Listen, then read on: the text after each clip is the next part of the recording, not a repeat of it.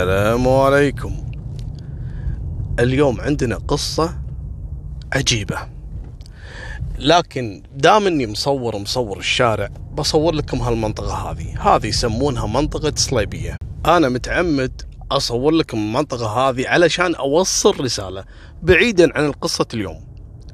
رسالة للحكومة الرشيدة وللمسؤولين. يعني والله العظيم شيء يعور القلب. أخواننا هذول بدون. وأنا عارف إن في بدون في جميع يمكن دول العالم. لكن إحنا بلد يا رب لك الحمد. الله عز وجل أنعم علينا بثروات كثيرة. مو معقولة أن نخلي بشر يعيشون بيننا بهالطريقة. يعني شيء صراحة يحزن. ولجان الزكاة اللي قاعدة تقط فلوسها برا وما إحنا عارفين وين. هالناس هذه اللي عايشين بيننا أولى. وحل مشكلة هالناس. يعني خلاص القضية هذه صار لها أكثر من 40 سنة قضية البدون. لازم في حل جذري. خلوا الناس تعيش. أرجو من المسؤولين أن يلتفتون شوية لهال البيوت هذه. يشوفونها البيوت كلها دور واحد وقديمة. ممكن هذه صار لها أكثر من يعني مو أقل من 40 سنة يعني أو أكثر والله. فقصة اليوم راح أقولها وأنا راح أفتر في منطقة صليبية. عند هالناس هذه. المهم السالفة ما فيها. حصلت في باكستان. وسالفة لشخصية مشهورة جدا جدا في باكستان. بنت اسمها قنديل بلوش. قنديل بلوش في سنة 2013 شاركت في برنامج اسمه Pakistan Idol. نفس يعني سوبر ستار وستار أكاديمي البرامج الغنائية هذه. بعد ما شاركت في هالبرنامج اكتسبت البنت شهرة كبيرة جدا. وصارت من النجوم اللي موجودين في باكستان. وتعرفون باكستان يعني تحكمهم العادات يعني حيل يعني ضاكين على يعني العنصر النسائي بشكل مو طبيعي. فلما تطلع وحدة جميلة وشعر وحركات وكذي تلفت انتباه هذه قنديل بلوش صارت يعني على كل لسان في باكستان. ماكم بالطويلة قاموا يسمونها كيم كردشيان الباكستان النسخة الباكستانية. وفعلا صارت نجمة. الوضع مشابه جدا مثل ما عندنا هنا في الخليج. يعني في مجتمع محافظ وتطلع واحدة حشاكم تقوم تفسخ وحركات وأساليب يعني إحنا ما نعتاد عليها تقوم تصير على كل لسان وتنشهر ويقومون يشتغلون عليها شركات آه، اللي هي شركات الدعاية والإعلان وتغتني. هذه قنديل صارت نفس الموضوع. قنديل من عائلة محافظة. لكن يعني موجة الشهرة والإعلام وصاروا حواليها ناس متنفذين يعني أسرتها ما قدروا يكلمونها بشيء. خلوها واعتزلت أسرتها يعني. فمشت وياها الأمور. لكن شوي شوي البنت والحركات المعروفة هذه عند الفاشينيستات إن كل ما يعني بدت يعني ما حد ينتبه لها في الإعلام والسوشيال ميديا تسوي لها حركة. مثل عندنا هني فاشينيستا قالت أنا فيني سرطان. وهي ما فيها شيء يعني تناقز مثل الصخله وبعدين والله طلع إن هذا والله شو شو انه فيها سرطان؟ حسبي عساك ما توفقين. حسبي الله ونعم. حتى المرض التاجرون فيه امل الوجع مالكم بالطويلة. هذه قنديل كل يوم والثاني طالعت لهم سالفة. تسوي شغلات الإثارة وكذا. مالكم بالطويلة.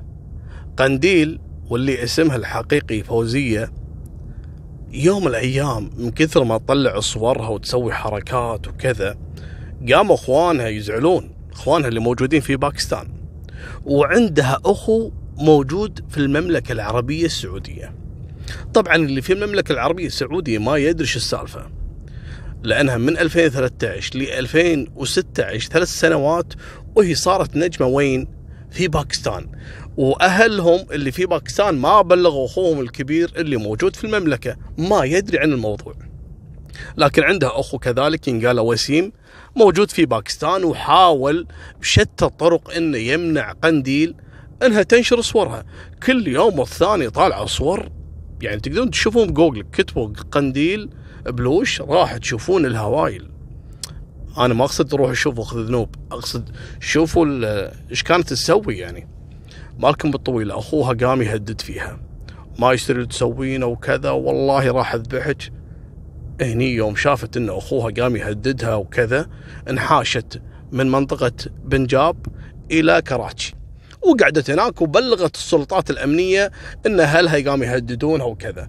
قالوا لها مالك شغل وأنت نجمة وإحنا نحبك. المهم مالكم بالطويلة مشت مثل ما تبي.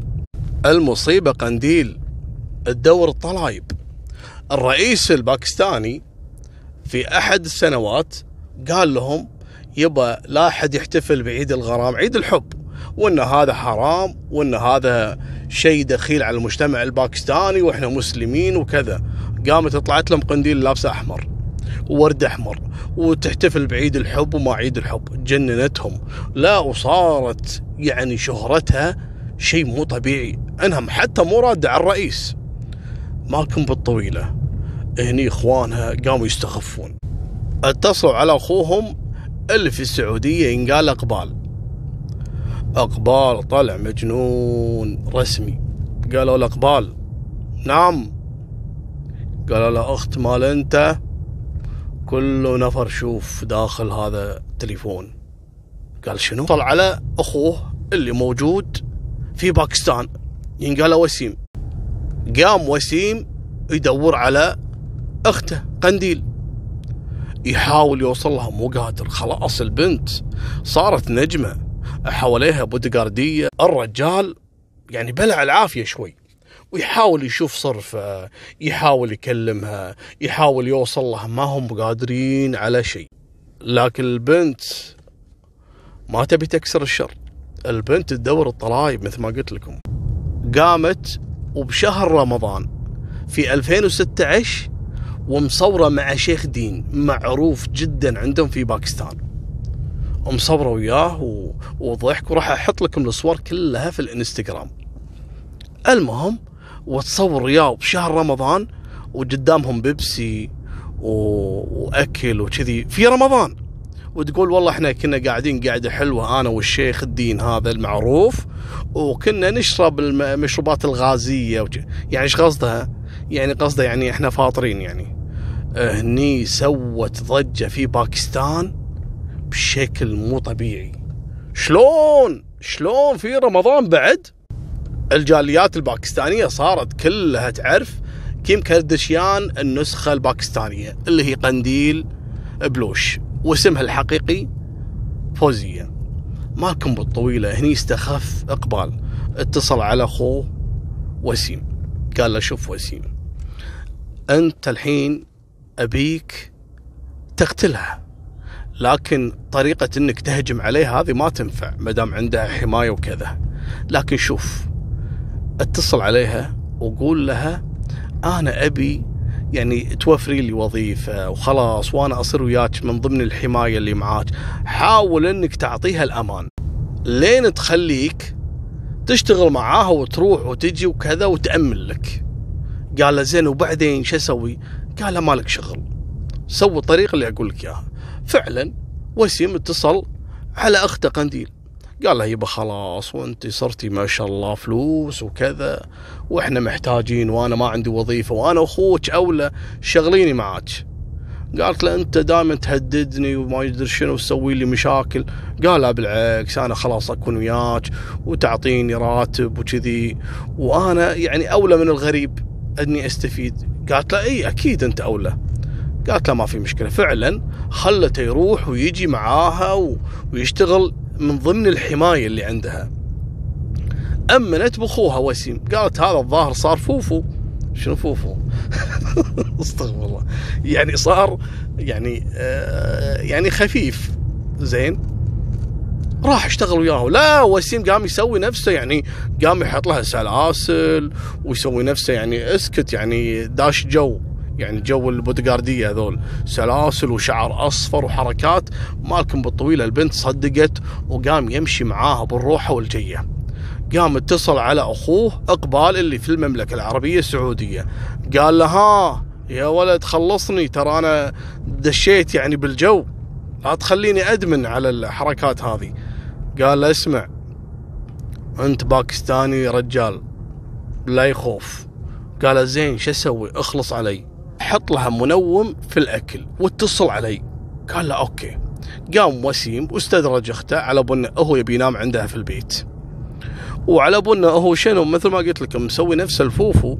يعني يجيب لها الأكل وكذي خلاص يعني دش الجو وان أبليتي يا أبليتي عرفت شلون؟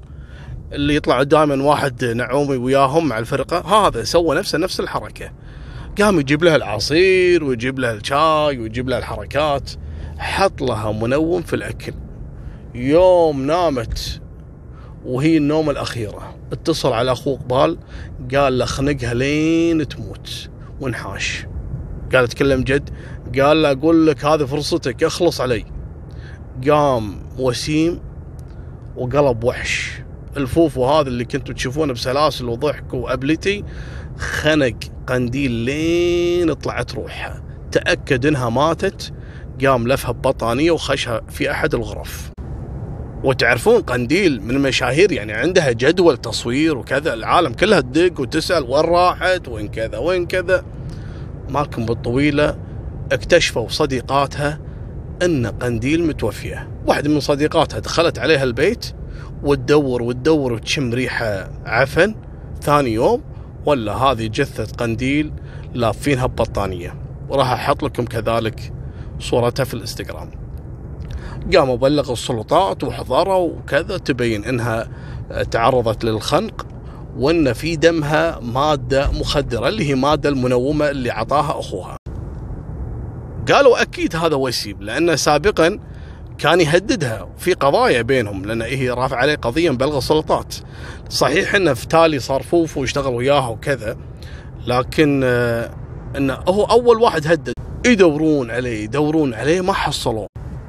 بعد البحث عثروا عليه في منطقة اسمها ديرة غازي خان وهذه وسط باكستان اضبطوا وسيم وحالوه للتحقيق باعترافات وسيم قال يبا أنا قتلتها للشرف صراحة جرائم شرف. يعني هذه فشلتنا وفضحتنا وسوت لنا كذا وكذا وكذا وحتى إنها أساءت حتى إلى الرئيس الباكستاني. لما رجل قال لنا إن لا أحد يحتفل برأس السنة وعيد الحب طلعت له بلون أحمر وورد ومسخرة وكذا. وصارت سيرتنا على كل لسان. المصيبة مو هني. المصيبة إن سمعتها وصلت حتى للخليج. ربعنا وجماعتنا اللي بالخليج كلهم عرفوا واخوي إقبال اللي في السعودية قاموا يمسخرونه ربع الباكستانيين هناك. قنديل كأنها كيم كردشيان وأحلى منها والثاني يقول له ما أدري شنو. والرجال صارت في حالة نفسية. كل يوم الثاني يتصل علي اذبحها واذبحها وأنا صراحة هم مالي وجه. قمت يوم من الأيام وقتلتها. قالوا له شلون قتلتها؟ قال حطيت لها منوم. لما نامت خنقتها على الراحة. لين طلعت روحها. ومن ضمن اعترافاته كذلك أن إقبال هو اللي حرضه على قتل أخته قندي وعلى طاري الموضوع أن الواحد يتعرض للإحراج بسبة شخص يعني يقرب له كذا. ترى هذه واردة جدا. ممكن يكون شخص محترم واللي يصير الإنسان مش محترم. يعني صحيح إنه ما له ذنب لكن يتعرض للانتقاد يعني يحس انه إنه لازم يسوي شيء. مثل هذا اللي حصل مع اقبال. تبون مصيبة عندنا صارت في الكويت. والله هذه قصة حقيقية وشيء والله أنا ألمني صراحة. عندنا مذيعة وفاشينيستا مشهورة جدا المعتعته تعرفونها كلكم. يوم من الأيام في الديوانية زوجها قاعد. وفي أحد الأشخاص ما يدري إن هذا هو زوج هالفاشينيستا. تدرون مرة طلعت وفي رمضان. في أحد البرامج المشهورة طبعا. إيش قال عنها واحد من الموجودين؟ قاعد يقط كلام أوف وهذه منو؟ شوفوا شو مسوية شوفوا كذا وشوفوا كذا وزوجها قاعد. وصاحب الديوانية طلعت عينه وهو يغمز. بس الرجل هذا ما يدري. يعني حط في بالك أنت يا أي واحد يطلع زوجته ولا يرضى على أخته ولا بنته. حط في بالك ترى هذا اللي راح يصير بالديوانيات. فلا تقعد تسوي لي نفسك غبي وإنك ما تدري والله إحنا الشباب يعني شلون ينظرون إلى زوجتك لما تطلعها لنا بالسوشيال ميديا. لا تسوي نفسك عبيد. ترى هذا اللي قاعد يصير ولا واللي ألعن من كذي نسب زوجها. نحط اللوم كله على زوجها. لأن أنت اللي خربته حسبي الله عليك. عساك ما ما تهنى بالفلوس اللي تطلعها من ورا زوجتك. مالكم بالطويلة تم الحكم على وسيم بالمؤبد وتم طلب القبض على إقبال اللي موجود في المملكة العربية السعودية وبالفعل قبل أيام قليلة سلمت السلطات السعودية إقبال لباكستان علشان يحاكمونه بتهمة تحريض على قتل شقيقته إقبال. هذه نهاية سالفتنا وفمان الله مع السلامة.